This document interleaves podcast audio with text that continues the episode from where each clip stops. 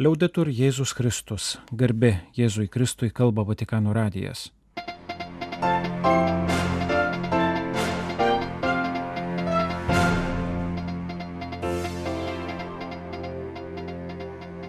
Malonus klausytojai šioje programoje. Bendroji audiencija. Pranciškus pristatė evangelinio olumo pavyzdį ir gyvo tikėjimo versmę - Guadalupės mergelės apsireiškimus. Popiežiaus malda už Ukrainą. Pirmasis kunigas jėzuitas iš Kambodžos - Šventasis Baltramiejus apaštalas.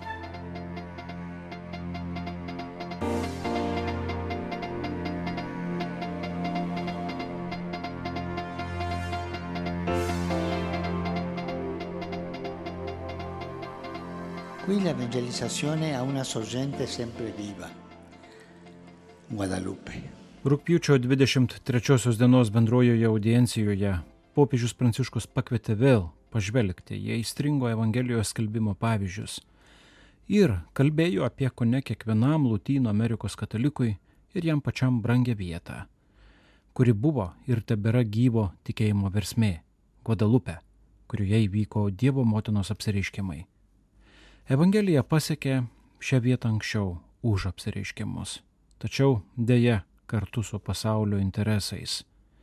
Vietoje Evangelijos įkultūrinimo kelio dažnai buvo renkamasi paskubomis perkelti ir primesti anksčiau parengtus modelius, stokojant pagarbos indėnų tautoms. O Guadalupės mergelė priešingai pasirodo apsirengusi vietinių gyventojų drabužiais, kalba jų kalba, priema ir mėgsta jų kultūrą. Ji yra motina, o po jos apsiausto kiekvienas vaikas randa vietos. Marijoje Dievas tapo kūnu ir per Mariją toliau įsikūnyja tautų gyvenime. Dievo motina skelbia Dievą tinkamiausią kalbą - gimtają. Taip, Evangelija yra perdodama motinos kalba, sakė popiežius, pavartodamas prasmių žaismą mat itališkai gimtoji kalba sutampa su motinos kalba. Ir norėčiau pasakyti ačiū visoms mamoms ir mučiutėms, kurios perduoda Evangeliją vaikams ir anūkams. Tikėjimas yra perduodamas gyvenimu, todėl motinos ir mučiutės yra pirmosios kelbėjos, pažymėjo šventasis tėvas. Tikėjimas, kaip rodo Marija, yra perduodamas paprastai. Marija visur - Liurde, Fatimoje, Tepejako kalvose, Meksikoje - pasirenka paprastus žmonės, kalba jiems ir visiems suprantama kalba, kaip ir Jėzus. Popiežius pakvietė pažvelgti į šventojo Jono Didako, Juan Diego, Guadalupės mergelės žinios kalbėjo liudijimą. Tai buvo paprastas žmogus, vietos indėnas. Bet būtent jį nukrypo Dievo, mėgstančio daryti stebuklus per mažuosius žvilgsnis. Jonas Didakas įtikėjo jau būdamas suaugęs ir susituokęs. 1531 m. gruodį jis buvo apie 55 metų amžiaus. Kelionėje ant aukštumos išvydo Dievo motiną, kuri jį pavadino savo mažu ir mylimu vaikeliu. Marija Indėna pasiuntė pas vyskupą paprašyti pastatyti šventovę toje vietoje, kurioje jie apsireiškė. Tyro širdies Jonas Didakas tuoj pat susiruošė ir nukeliavo pas vyskupą, bet jam teko ilgai laukti, kol buvo primtas ir galėjo į jį kreiptis. Kai galiausiai buvo primtas, vyskupas juo nepatikėjo. Indėnas vėl susitiko su Dievo motina kurį jį pagodė ir paprašė pabandyti iš naujo. Indienas sugrįžo pas vyskupą ir po didelių sunkumų jį vėl sutiko. Bet vyskupas ir vėl juo nepatikė, nors pasiunčia iš paskos vyrus pasiekti. Štai skelbimo išbandymas ir nuovargis atkreipė dėmesį popiežius Pranciškus. Nepaisant tolumo, susidurima su nenumatytomis kliūtimis kartais pačios bažnyčios viduje. Skelbent, nepakanka liudyti gėri, reikia mokėti ištverti ir blogį.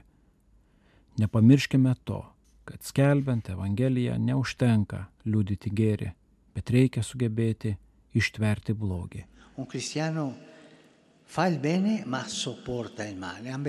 Krikščionis daro gerą, bet ištveria blogį. Abu dalykai eina kartu. Toks yra gyvenimas, pakartojo popiežius Pranciškus. Ir šiandien daugybėje vietų, kad Evangelija būtų įkultūrinta ir kultūros evangelizuotos, reikia, pasak jo, ištvermės ir kantrybės. Taip pat reikia nebejoti susidūrimo ir mokėti nenusivilti. Jonas Didakas, praradęs drąsą, prašo Dievo motiną atleisti jį nuo užduoties ir vietoj jo pasirinkti kažką kitą, labiau gerbiamą ir sugebantį nei jis. Tačiau ir vėl yra pakvačiamas tęsti savo misiją. Marijai patikinus, kad ji, jo motina, yra šalia. Skelbimas visada susiduria su tam tikro pasidavimo rizika. Kažkas nepasiseka ir tada atsitraukiame, nuleidžiame rankas, galbūt įsitveriame į tai, kas mums teikia saugumą, užsidarome mažose grupėse ar intimistinėse pamaldumo formose. O Dievo motina priešingai, guosdama mus skatina eiti toliau ir aukti. Kaip gera motina jį globoja, vaiko žingsnius ir tuo pat metu moko priimti pasaulio iššūkius. Jonas Didakas, taip sustiprintas, vėl sugrįžo pas vyskupą, kuris jo šį kartą paprašė ženklo. Dievo motina padrasino širdyje nerimaujantį Joną ir pasiunti jį ant kalvos viršūnės pririnkti gėlių. Nors žema, nors viršūnė sausa ir akmeninga, Jonas Didakas iš tiesų ant jos atrado gražiausių gėlių, pasikišo jas po apsiaustų tradicinę tilmą ir parnešė Dievo motinai kaip dovana. Bet ši patarė jam nunešti gėlės vyskupai. Jonas nukeliavo pas vyskupą, vėl kantriai laukė, kol bus primtas, o tada vyskupo akivaizdoje atlapojo apsiaustą, norėdamas parodyti gėlės. Ir štai, ant apsiausto išriškėjo gyvas ir ypatingas, mums pažįstamas Dievo motinos atvaizdas o jos akise liko įsispaudę tų įvykių veikėjai. Štai Dievo surprizai. Jie yra pasirinkimas, juos priimti ir paklusnumas. Mums nenuspėjimo laiku ir būdu jis gali padaryti kažką netikėtą. Tokiu būdu iškilo mergelės Marijos šventovė, kurią galime aplankyti ir šiandien. Jonas Didakas su viskupo leidimu savo likusį gyvenimą paskyrė šiai šventoviai primdavo ten piligrimus ir juos evangelizuodavo. Taip ir toliau vyksta Marijos šventovėse, piligrimyšių centruose ir skelbimo vietose, kur kiekvienas jaučiasi namuose ir jaučia kitų dangaus namų nostalgiją.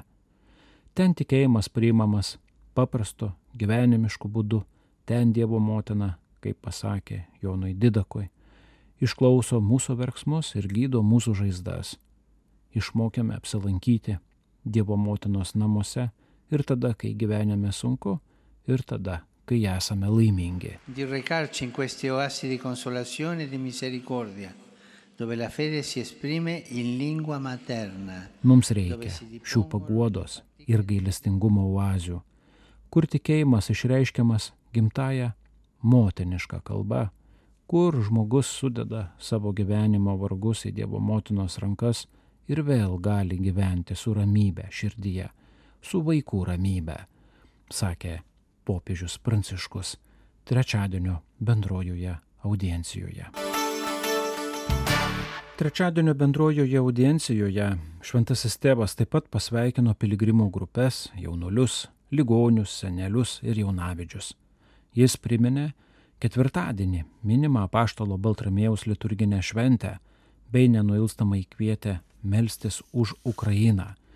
Užsiminęs apie nepriklausomybės dienos iškilmes, tegul apaštalo Šventojo Baltramėjaus pavyzdys padeda jums būti nuširdžiais Jėzaus liudytojais ir su tikėjimu pakelti kančias, galvojant apie tas, kurias patyrė Evangelijos apaštalai.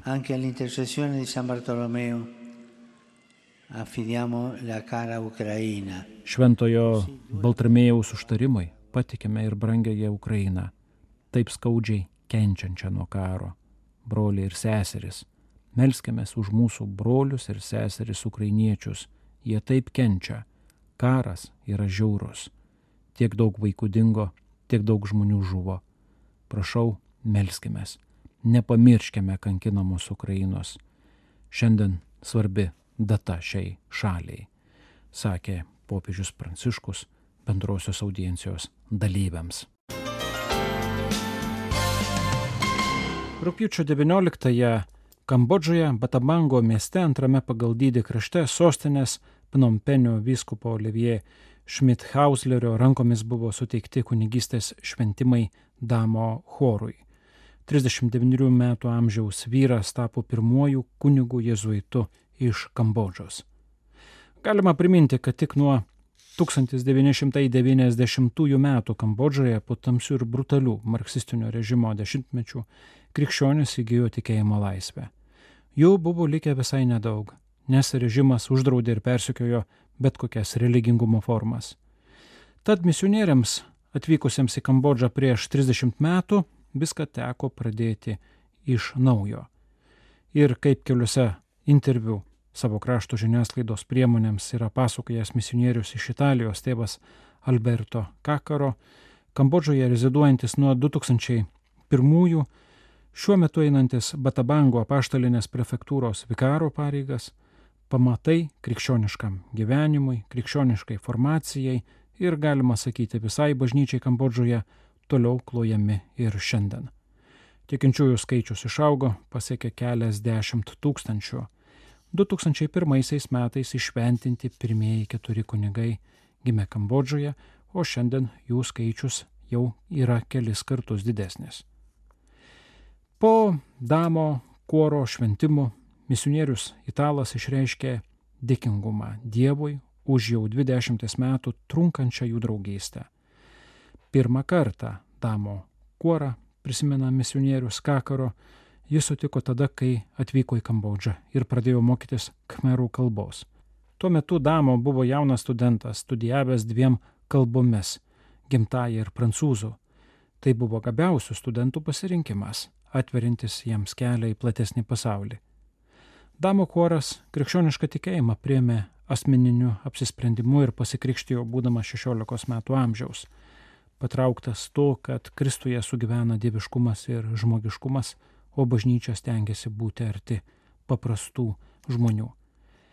Pasak tėvo Alberto Kakaro, jaunuolis keletą metų jam padėjo kaip savanoris savaitgaliais, o kai misionierius buvo paskirtas darbuotis provincijos kaimeliuose, jau baigęs universitetinės studijas, apsisprendė jam padėti pilnu laiku. Vienas iš tuometinių darbų buvo sėsti ant motociklo ir nesfaltuotais keliais rėdėti keliasdešimt kilometrų, kad pasiektų nuošalius kaimelius ir nuvežtų vaikams knygelių, kurios leistų jiems mokyti skaityti ir rašyti, juk be to sunku įsivaizduoti ateitį. Tęsiant darbą šioje kryptyje buvo įsteigta nedidelė mokykla, po to antra, trečia, ketvirta. Vargu, ar jam tai būtų pavykę, rašo misionierius, be Damo koro entuzijazmo, atsidavimo ir ištvermės. Šias mokyklas užbaigė jau šimtai vaikų. 2012 metais jaunuolis iš Kambodžos išvyko į Filipinus, į Jėzuitų naujukyną ir 2014 davė pirmosius įžadus. Su jėzuitais jis susipažino per Jėzaus draugijos karitatyvinę agentūrą Jesuits Refugee Service, kuri Batabange veikia nuo 1990-ųjų. Dešimt metų trukusią akademinę formaciją vainikavo tezę apie švietimą Manilos universitete. Ačiū damo, dirbant su tavimi ši žemė, tavo pastatytos mokyklos tapo namais man ir daugeliu kitų. Dabar, kai jau esi kunigas, aš prašau tavęs palaiminimo, rašo italų misionierius, džiaugdamasis savo artimo bičiulio bendražygio ir pirmojo kunigo jėzuito iš Kambodžos šventimais. Apie rūpiučio 24-ąją minimą paštalą Baltramiejų žinome nedaug, bet jis tikrai buvo vienas iš dvylikos Kristaus išrinktųjų, nes jo vardas minimas visose dvylikos apaštalų sąrašuose.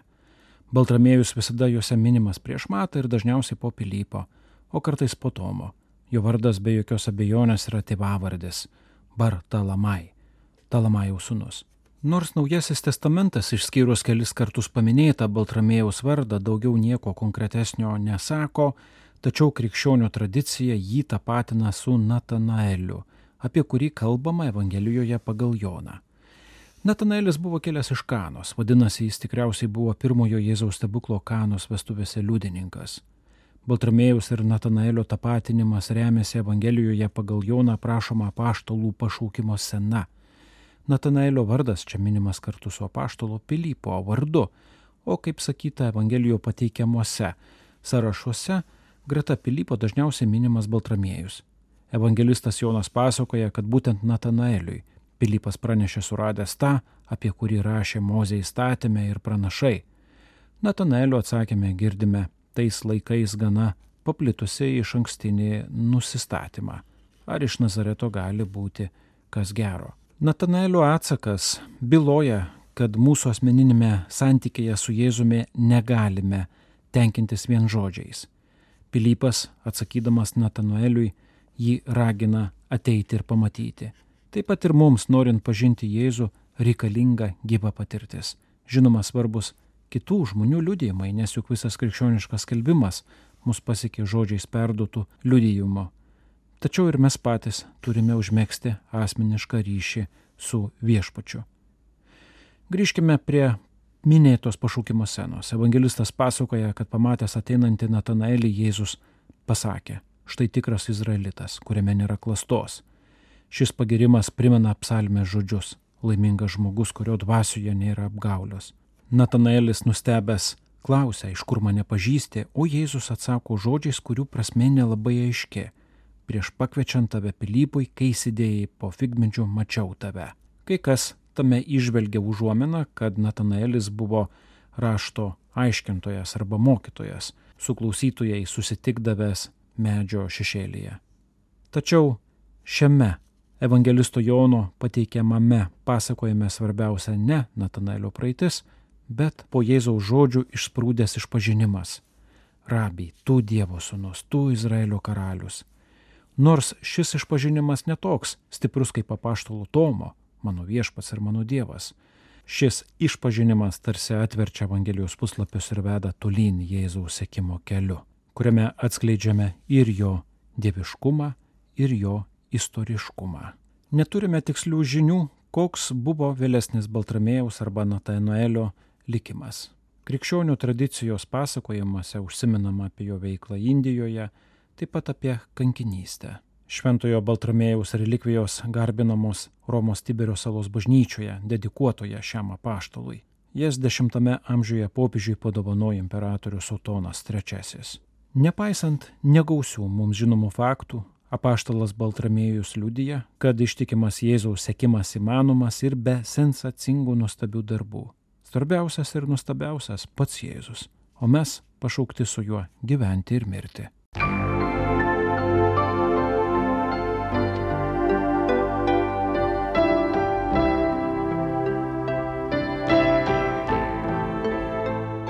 Malonus klausytojai laidą lietuvių kalbą baigiame.